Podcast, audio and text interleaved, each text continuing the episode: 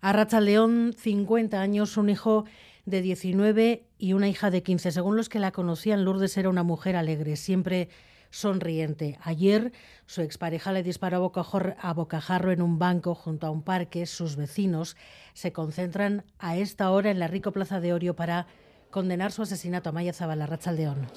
Arracha León Aranza, así es la concentración convocada por el movimiento feminista de Orio está a punto de comenzar. La Errico Plaza está repleta de gente y es que cientos de personas están aquí reunidas en estos momentos para condenar el asesinato de Lourdes.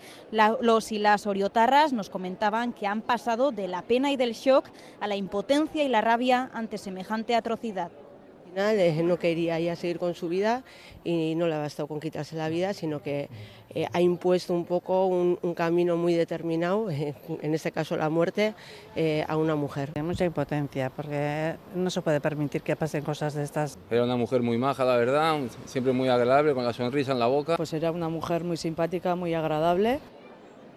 La víctima tenía 50 años, era vecina del pueblo y tenía dos hijos, uno de ellos menor de edad. Aquí todos y todas afirman que se trataba de una mujer simpática, agradable y alegre.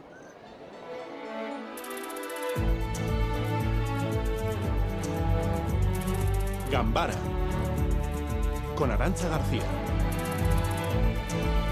Es el primer asesinato machista en Euskadi este año. El consejero Ercoreca ha dado hoy detalles de lo ocurrido.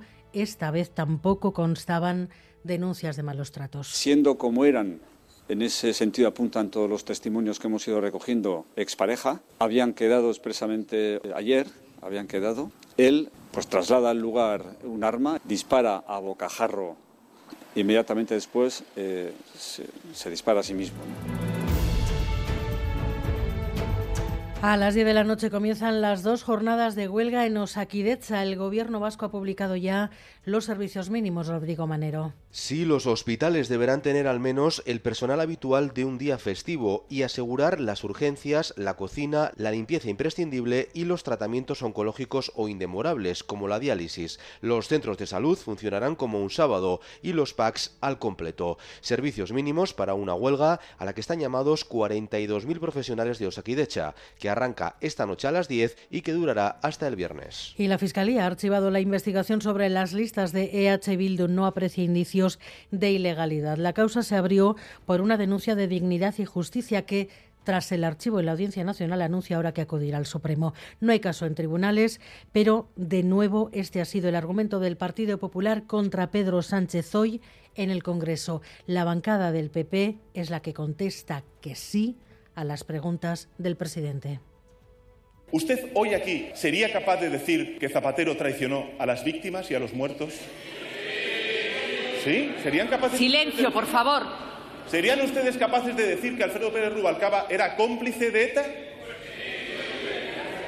¿Serían ustedes capaces de decir, como dijo Mariano Rajoy el 11 de marzo, que tenía la convicción moral de que ETA estaba detrás de los atentados del 11 de marzo? Después de lo que se escuchó ayer en el Senado, esto es lo que se ha oído hoy, esta mañana en el Congreso. La ley de vivienda, entre tanto, ya está camino del boletín oficial. Esta tarde ha logrado, como se esperaba, el aval definitivo de la Cámara Alta Nerea Sarriegui.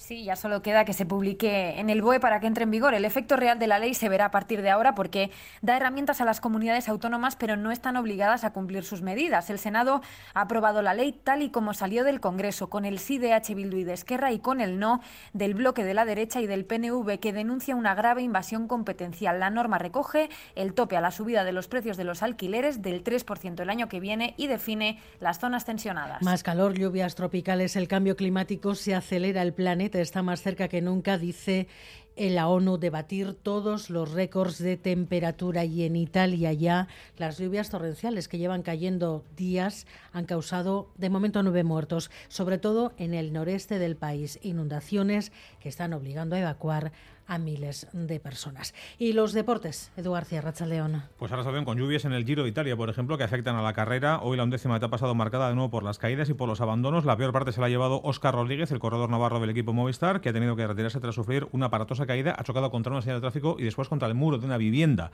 También otro abandono ilustre de Tao Hart, el británico del conjunto Eneos, que ganó el Giro en 2020 y que marchaba tercero en la general, también se ha caído y ha tenido que abandonar. Ha ganado Pascal Ackermann, el corredor del equipo UAE, en la llegada y Geraint Thomas se mantiene como líder. En cuanto a nuestro fútbol, hay que destacar la renovación de Igor Zubilde con la Real. El Azcuitierra se queda hasta junio del 2029 con el contrato más largo de cualquier futbolista en la plantilla Churudín en este momento. Hoy se juega la vuelta de las semis de Champions entre el City y el Real Madrid a partir de las 9 para conocer al segundo y último finalista de esta competición. El otro es el Inter de Milán. Y en pelota, el Ordi y Darío han apartado bien material para el partido de semifinales que van a jugar ese próximo domingo en el Hogueta de Gasteiz, la semis de manomanista. Mañana, turno para Altuna y para Azcurdia que se van a ver las caras el sábado en el Frontón Labrit.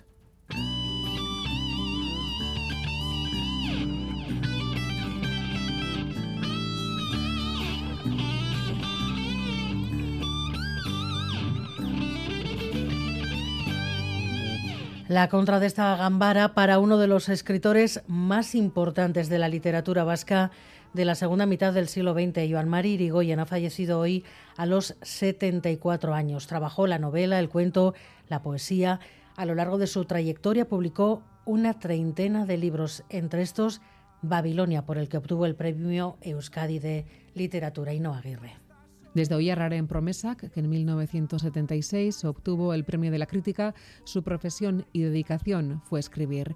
Algunos de los títulos fundamentales de su obra han sido traducidos. Poliedro Renostoac, de 1982, se publicó bajo el título La tierra y el viento. El drama rural Babilonia, premio Euskadi de literatura en 1990, también se puede leer en castellano y su novela más extensa, Lurbat Arátago, del año 2000, se publicó como Una tierra más allá.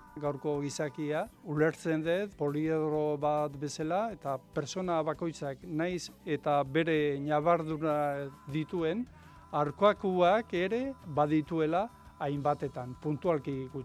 Las referencias históricas y a la mitología vasca han sido constantes en su obra. Dedicó una biografía a Lope de Aguirre y a través de los poliédricos personajes de sus novelas ha profundizado en la herida abierta por el choque entre el mundo tradicional y el moderno.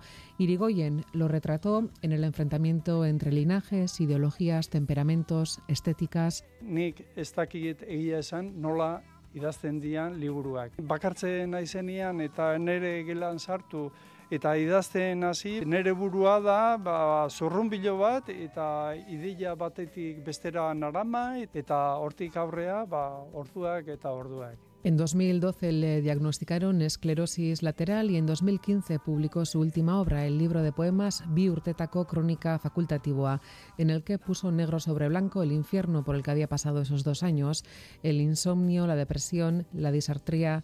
En esa crónica poética también reflexionaba sobre la enfermedad, el azar y el destino, sobre la condición humana, la ética de la muerte, la eutanasia.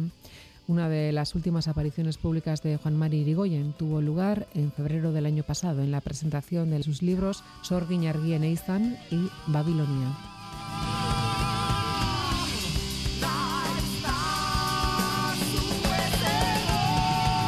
Miguel Ortiz y Alberto Sobel en la dirección técnica, Cristina Vázquez en la producción.